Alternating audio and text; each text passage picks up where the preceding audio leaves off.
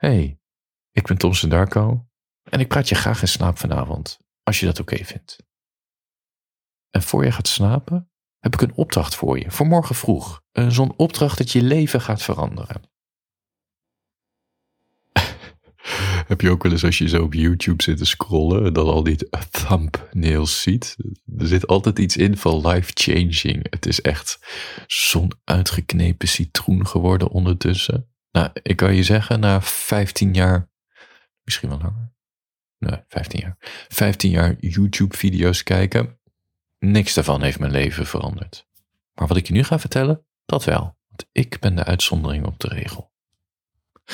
Voor je gaat slapen. Dat waar je de hele dag aan denkt, dat bepaalt natuurlijk de kwaliteit van je dag. En de kwaliteit van je dag bepaalt uiteindelijk de kwaliteit van je leven. Dit zei Marcus Aurelius. En hij kan het weten, want hij dacht ook de hele dag door aan het Romeinse Rijk. Daar was hij ook toevallig de keizer van. En hij is een stoïcijn. Mijn favoriete filosofie. En hij is ook ondertussen een stoïcijnse filosoof, of althans, zo zien we hem. Kijk. De reden dat ik hiermee begin, dat is dit. Hoewel we minder over onze gedachten gaan dan we denken, is er natuurlijk wel een manier om ze te beïnvloeden, zodat die kwaliteit van de dag uh, uh, omhoog gaat. En echt wat ik je nu ga vertellen, ik denk dat je dit nog nooit gehoord hebt, maar je zult nu volledig, ik denk dat je per direct uit bed rolt en met je handen naar je hoofd gehyped en het raam open doet en schreeuwt naar buiten Eureka. Dus je bent gewaarschuwd. Begin de dag eens met niet staren naar de levens van anderen. Doe gewoon eens gek. Doe het niet. En start de dag met iets doen voor jezelf. En daar profiteer je de hele dag van. En als je de hele dag ervan profiteert, dan profiteer je de rest van je leven ervan. Oprecht. En ik bedoel gewoon start met 10 minuten. Doe in de ochtend 10 minuten iets voor jezelf. Dus voordat je gaat tanden poetsen, je oksels gaat wassen, je fruitjes in je bakje met yoghurt smijt. Iets doen voor jezelf. Desnoods zet de wekker 10 minuten eerder en doe dit. Ik lees een boek. Lees gewoon een boek. Lees gewoon één of twee hoofdstukken. Je kan ook een pen en uh, papier naast je bed neerleggen. Schrijf je gedachten op in de ochtend, ook wel morning pages genoemd.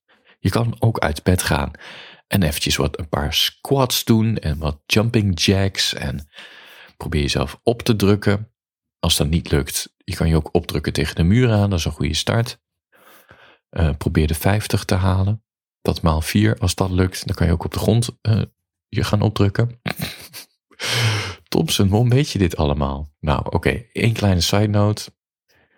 Ik heb best wel fanatiek gesport een aantal momenten in mijn leven. Maar wat ik nog steeds niet goed kan, dat is mezelf opdrukken. Ja, ik weet niet. Het lukt gewoon nooit. Terwijl ik wel een beetje van die gewichten zat te tillen. Uh, ja, en dan lukte best wel 50, 60 kilo op een gegeven moment. Maar mezelf opdrukken. Ik heb dus geleerd dat als je jezelf wil op, opdrukken, dat je gewoon moet beginnen met een muur. Dus twee handen op de muur, hup, opdrukken, opdrukken, opdrukken. En als je dat, je moet het natuurlijk opbouwen. Het gaat best wel snel, heb ik gemerkt. Als je een de 50 haalt, bingo. Als je vier keer achter elkaar 50 haalt, nog meer bingo. De volgende stap is tegen een tafel aan. Of in ieder geval iets wat wat lager is van jou. Het kan ook een stoel zijn, dus de stoelpoten. Dan opdrukken. Als dat heel goed gaat, drie, vier keer. Dan kan je voor het echte werk op de grond. Dan kan je volledig, laat me zeggen, dat je zo ook met je, je, je, je benen zo van de grond af hebt. Maar je kan ook nog beginnen met de knieën. En op een gegeven moment, daar ben ik nog niet, maar dat is de belofte, kan je jezelf opdrukken. Nou, en als je dan niet het mannetje voelt, dan weet ik het ook niet meer. Nou, dat is dus wat ik nu elke ochtend, nou niet elke ochtend, om de, paar, uh, om de ochtend doe, want je krijgt er echt spierpijn van. Oké, deze parkeren we even. Wat je nog meer kan doen die eerste 10 minuten. Ga gewoon lekker yoga doen. Doe een paar van die sexy poses. Oké, dan neem ik terug. Je mag de boel niet seksualiseren. Doe een paar uitdagende poses in je joggingbroek. En start de dag helemaal zen. Je kan ook gaan mediteren in de ochtend. Gewoon lekker 10 minuten, ogen dicht. Uh, Ja, wat doe je dan? Ja, let op je ademhaling of, of gewoon je gedachten laten gaan. Wat je ook kan doen, dat doe ik ook wel eens, maar dat heeft meer met mijn dufheid te maken. dat is gewoon staren in de leegte en denken, waar ben je nou weer beland? Ja. Gun jezelf die eerste 10 minuten van de dag iets voor jezelf. En mijn stelling is dat je die energie de rest van de dag meeneemt. Echt. Probeer het in ieder geval één dag. Probeer het morgen vroeg. Als je bijvoorbeeld begint met schrijven, dan zit je de rest van de dag in een best wel een creative mood in je hoofd, snap je? Je voelt je creatiever dan anders. En als je begint met lezen, dan neem je een soort die kalmte van dat lezen mee. Je bent veel rustiger en ook best wel analytischer in de loop van de dag. En als je start met je lijf bewegen, dan krijg je een, nou ja, een energieboost. Het, het, ja, het is toch een soort opkikkertje. En yoga en meditatie, dat maak je veel bewuster van wat er in je hoofd gebeurt. Dat geeft een gevoel van controle en kalmte.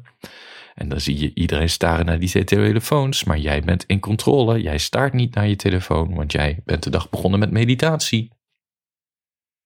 Maar kom op, laten we eerlijk zijn.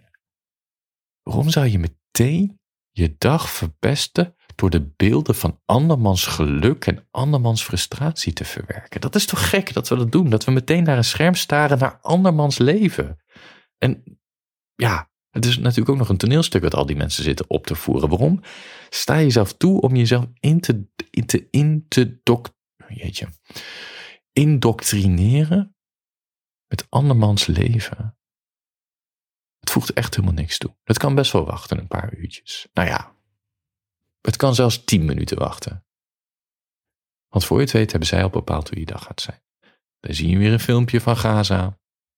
Of een filmpje van een of andere corrupte multinational. Of er is er iemand weer eens racistisch. Of er is er iemand weer dit en dat. En dan, ja, dan ben je toch weer gefrustreerd. Of nog erger. Dan zie je dat die jongen uit je klas van tien jaar geleden vader is geworden en een veel te knappe dame naast zich heeft. En dan voel je weer, dan denk je weer van dat had ik kunnen zijn. Dat, dat wil je toch niet? Kom op. Blokkeer het zo lang mogelijk om een dag. Ik zeg niet de hele dag, niet op je telefoon. Bedoel, kom op. Het is ook hartstikke leuk. Staren naar andermans levens. Maar niet als begin van de dag. Niet goed, niet goed. En ik weet het, als je, als je nu een stem in je hoofd hebt die zegt, ah, dat echt niks voor mij die 10 minuten. Dan ben je al afgehaakt voordat je het geprobeerd hebt. Kom op. Wil je echt zo'n persoon zijn? Ik vraag helemaal niets van je. 10 minuten. In je eigen tijd. Zet desnoods de wekker. Dat heb ik al gezegd. En ik beloof het je, nou ja, ik beloof niet dat het je leven verandert. Ik beloof wel dat je het meteen het effect ervan voelt. 100%. Je dag begint echt, ja, gewoon goed plaats van gestrest en uh, neerslachtig en onzeker. Ja, en ik wil toch nog een punt maken. Nou, niet een punt maken. Maar goed, we weten het allemaal als je meteen die telefoon pakt. En vooral social media opent of, of een nieuwswebsite. Je dopamine-systeem wordt gelijk geactiveerd. Waardoor je ook de rest van de dag elke keer naar je telefoon grijpt bij een moment van verveling. Gewoon uit automatisme.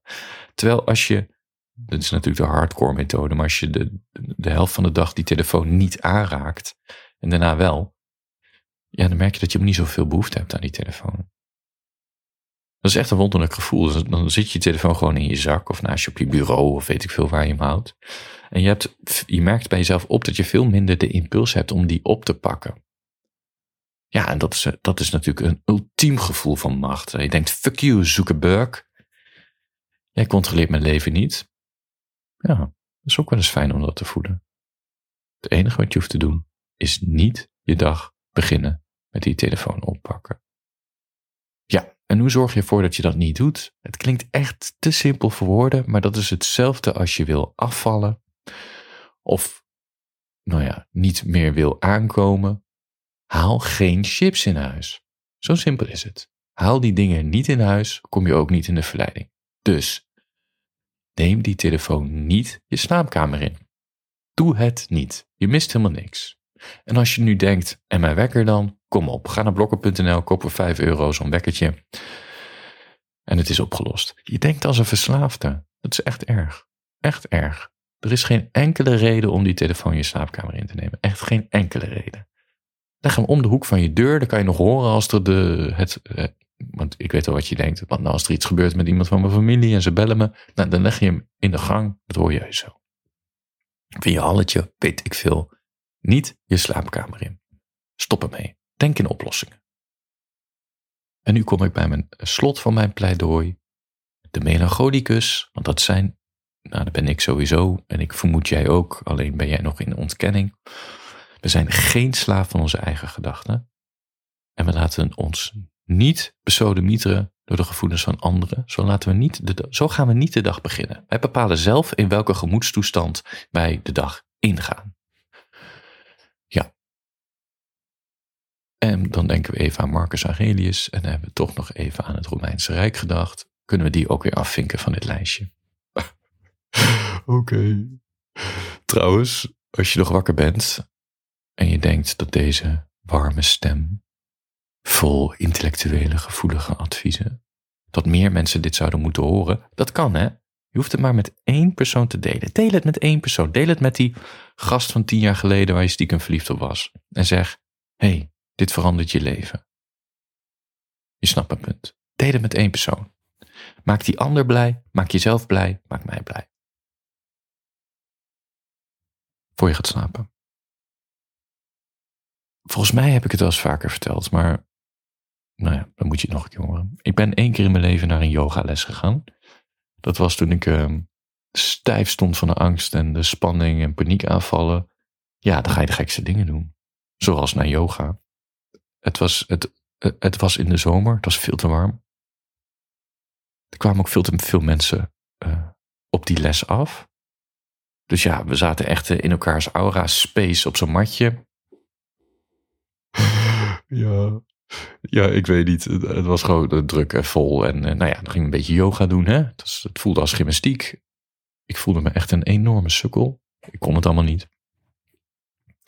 En die docenten, die begon, nou, ik denk wel om de twee minuten, begon ze een zin met: Gun jezelf vanavond, bla bla bla.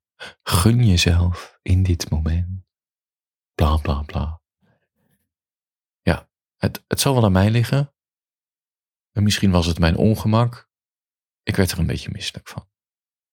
En ik word er ook opnieuw misselijk van als ik zelf een zin schrijf of uitspreek met gun jezelf. Maar volgens mij heb ik het gedaan. Volgens mij heb ik gezegd tegen jou: gun jezelf geen telefoon in de ochtend, maar doe iets voor jezelf. Wat is mijn punt? Ja, dat zo'n zin toch in je hoofd nestelt. En dat ik het met een beetje ironie uitspreek. En tegelijkertijd gun ik je de hele wereld. Dus gun jezelf morgen vroeg, die eerste tien minuten van de dag, iets voor jezelf. Tien minuten. Tien. Desnoods zet die wekker tien minuten eerder. Gun het jezelf. Handjes boven de dekens. Slaap lekker.